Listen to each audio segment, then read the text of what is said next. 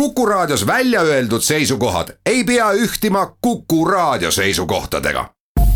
Te kuulate Kuku Raadiot.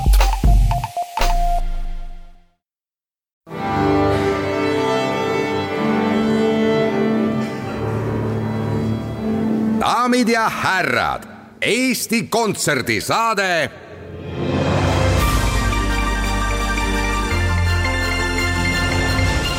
aplaus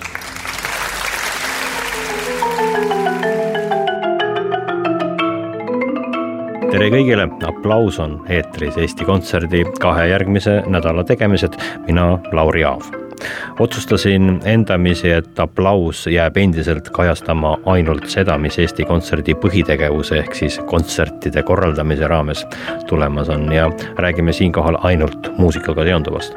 selles valdkonnas on just praegu kõige magusam aeg ja ma kinnitan teile, et pea iga päev on lisaks kulisside tagustele mängudele ka laval toimumas maailmatasemel sooritusi. iga päev, kasvõi täna, kui oma auhinnakontserdid saab kätte telekonkursi Klassikatähed kaks tuhat kaksteist peapreemia võitnud Tanel Eiko Novikov.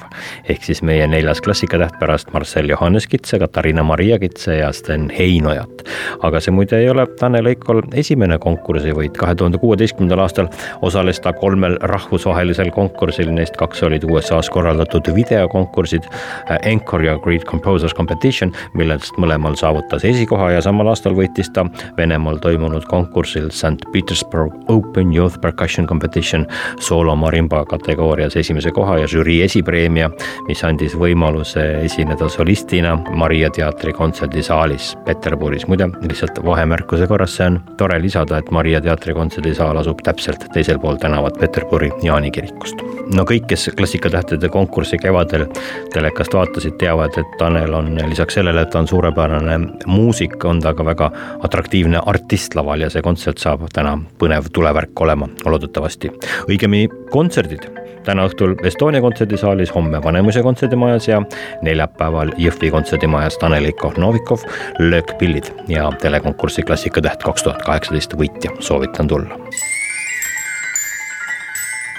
edasi läheb elu keeruliseks, sest neljapäeval tahaks ma isiklikult olla kahel kontserdil ja kahes erinevas linnas korraga.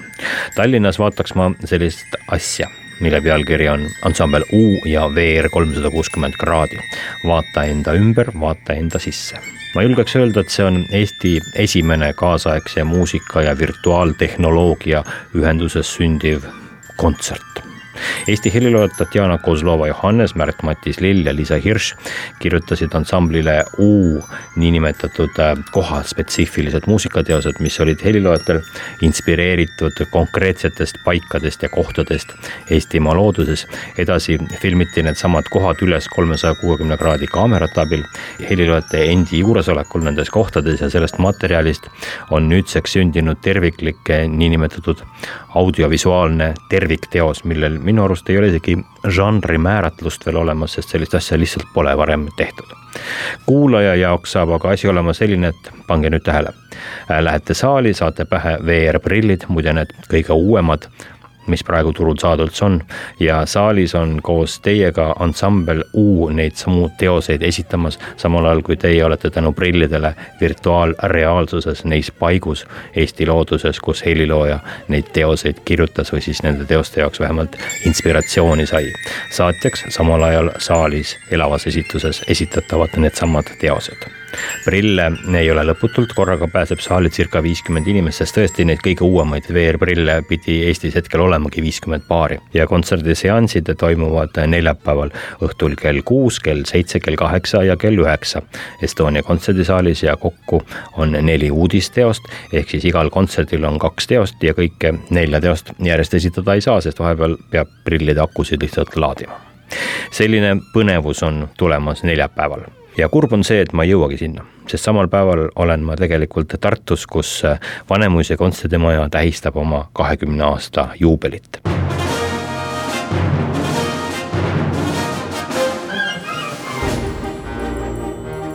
seekord neljapäeval on Tartus Candide, Leonard Bernsteini koomilise ooperi kontsertlavastus Rahvusooperilt Estonia, kus dirigendiks on Vello Pähn ja lavastaja Marko Matvere. osades on David Astorga Costa Ricalt, Margarita Levtšuk Valgevenest, Marko Matvere ise, Rene Soom, Juuli Lill, Janne Sevtšenko ja paljud-paljud teised. ja nagu öeldakse, Bernsteini Candide ühendab endas parima osa muusikaliteatrist, ooperist ja Monty Pythonlikust huumorist. ja reedel siis selle hooaja vaieldamatu tippsündmus kuidagi ootamatult sülle langenud õnn. maailma sümfooniaorkestrite mitteametliku edetabeli esinumber, teiste sõnadega maailma parim sümfooniaorkester, Royal Concertgebouw orkester Amsterdamist, kes tähistab tänavu saja kolmekümnendat tegutsemisaastat ja jõuab sel puhul lõpule kontsertreiside sarjaga, mis sai alguse juba kahe tuhande kuueteistkümnendal aastal ning mille raames külastasid nad kõiki Euroopa Liidu liikmesriike. nüüd praegu saab sari lõppakordi ja tuur lõpeb kontsertidega kontsertidega Küprosel, Poolas, Leedus, Lätis, Soomes, Rootsis, Taanis ja Horvaatias. meil siin Tallinnas siis üheksandal novembril, sel reedel Estonia kontserdisaalis. spetsialistide hinnangul on see parem kui teisel kohal olevad Berliini filharmoonikud või siis kolmandal kohal olevad Viini filharmoonikud. igal juhul on tegemist harukordse võimalusega krabada endale mõni üksik alles jäänud pilet, mis veel praegu saada on aga saate lõpuks no, hoopis teist juttu, räägime lastekontsertidest. käisin nädalavahetusel Antwerpenis vaatamas sealset lastefestivali nimetusega Big Bang, mida belglased on juba paarkümmend aastat korraldanud. see ei toimu mitte ainult Belgias, vaid nüüdseks on nad loonud juba Euroopa Liidu rahastuse toel toimiva keti, kuhu kuuluvad Big Bangi festivalid Belgias, Hollandis, Prantsusmaal, Šveitsis, Hispaanias, Portugalis, Iirimaal, ka Kanadas ja uudisena nüüd siis ka Eestis. ehk siis oleme kokku leppimas Big Bangi toimumist aasta pärast novembris Tallinnas Kultuurikatlas. ja festival ise tähendab ühes paigas ja mitmes erinevas saalis korraga toimuvat melu suisa kümnete erinevate lavastuslike kontsertidega, kus on alati on esikohal muusika. aga mis ma siin ikka seletan, rääkisin seal juttu Big Bandi algataja ja kunstilise juhi Wouter van Looiga Well, the story started in the 90s in fact when I uh, lugu algas üheksakümnendatel, kui lõpetasin ülikooli kunstide erialal. ma olen lavastaja, just muusikateatri lavastaja ning alguses olin ka ma seotud mitmete teatriprojektidega. aga mida ma üsna varsti märkasin, oli, et kui lastelavastusi oli nagu teatrites küllaga, siis muusikavaldkonnas valitses täielik tühjus Uh, strong music projects for, for young audiences.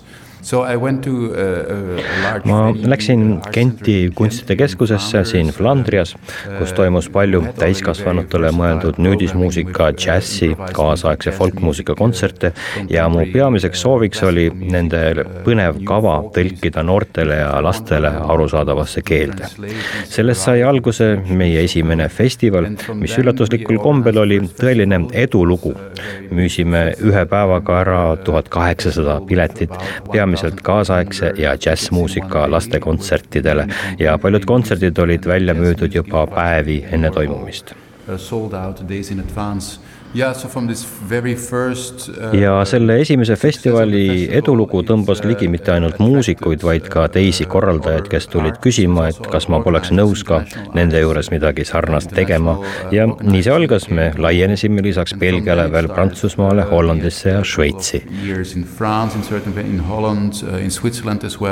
sa näitab teadma saladust, mis on see võluvõti, kuidas korraldada kontserte lastele seal on mitmeid asju. võti on selles, et ei tohi lapsi publikuna alahinnata, neisse tuleb tõsiselt suhtuda. teisest küljest on oluline see, et korraldada asju nii, et publik oleks kontsertidel võimalikult palju tegevusse kaasa haaratud. samuti on väga oluline, et kontserdi koht oleks publiku jaoks väga hästi ette valmistatud, et neil oleks seal tore olla, et nad tõesti tunneks, et tulevad otse kui peole.